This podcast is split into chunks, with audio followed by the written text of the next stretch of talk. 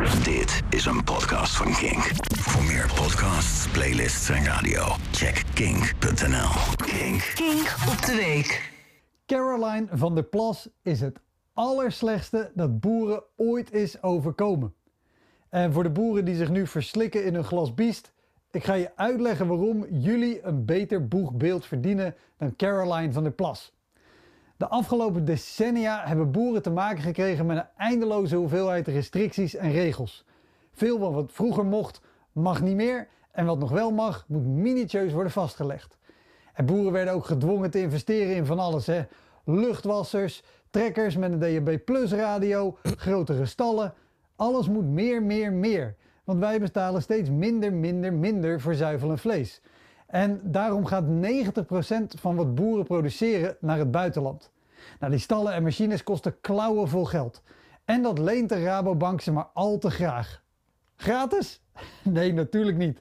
Daar maak je als bank geen 3,7 miljard winst per jaar mee. Maar het lastigste voor een boer is natuurlijk als je per ongeluk een nette kleine overal hebt aangedaan. Dan kom je met geen mogelijkheid uit.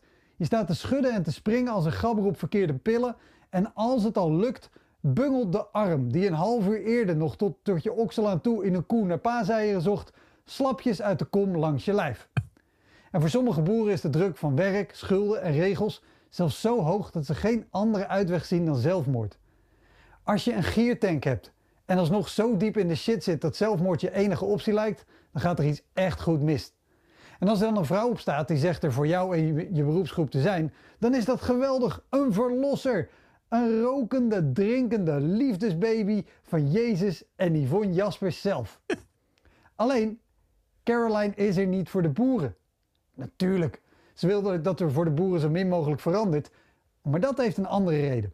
Heel kort. BBB is opgericht vanuit reclamebureau Remarkable. De partij en het reclamebureau zijn ook gevestigd op hetzelfde adres. Nou, de klanten van Remarkable zijn onder andere gifgroothandel Bayer, vleesverwerker Vion en allerlei bedrijven die grote stallen bouwen en allemaal zaadleveranciers. En ik bedoel echt zaadleveranciers, hè? geen trekkers, zeg maar.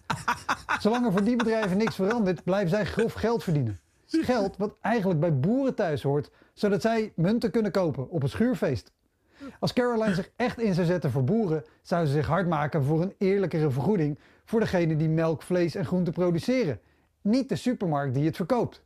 Zoek maar een keer op wie er meer verdient aan een liter melk. Dan denk je al snel, aha. ze zou erkennen dat het milieu echt beter af is met minder boeren. En een uitkoopregeling eisen waardoor de boeren die zonder opvolging zitten kunnen stoppen zonder schulden en met een nieuwe toekomst. Ze zou pleiten dat de overheid leningen voor CO2-besparende maatregelen overneemt, zodat boeren minder hoeven te produceren om toch hetzelfde te verdienen. Ze zou kunnen zorgen dat boeren makkelijker kunnen werken zonder hun hele land plat te spuiten, zonder in te leveren op opbrengst en inkomen. Kortom, ze zou zich, net als Dirk Boswijk van het CDA, kunnen inzetten om het leven van boeren makkelijker en beter te maken. En tegelijkertijd de wereld te vergroenen. In plaats van over de rug van boeren de belangen van bedrijven te dienen. Ik weet niet of die bedrijven haar ervoor betalen, maar als ze het doen, dan is het met 30 zilverlingen. En Caroline zou dit allemaal kunnen doen onder dezelfde afkorting, BBB. Ze hoeft alleen de naam nog aan maar te veranderen. Naar boeren beter behandelen. Kink. Kink op de week. Dit was een podcast van Kink. Voor meer podcasts, playlists en radio, check kink.nl.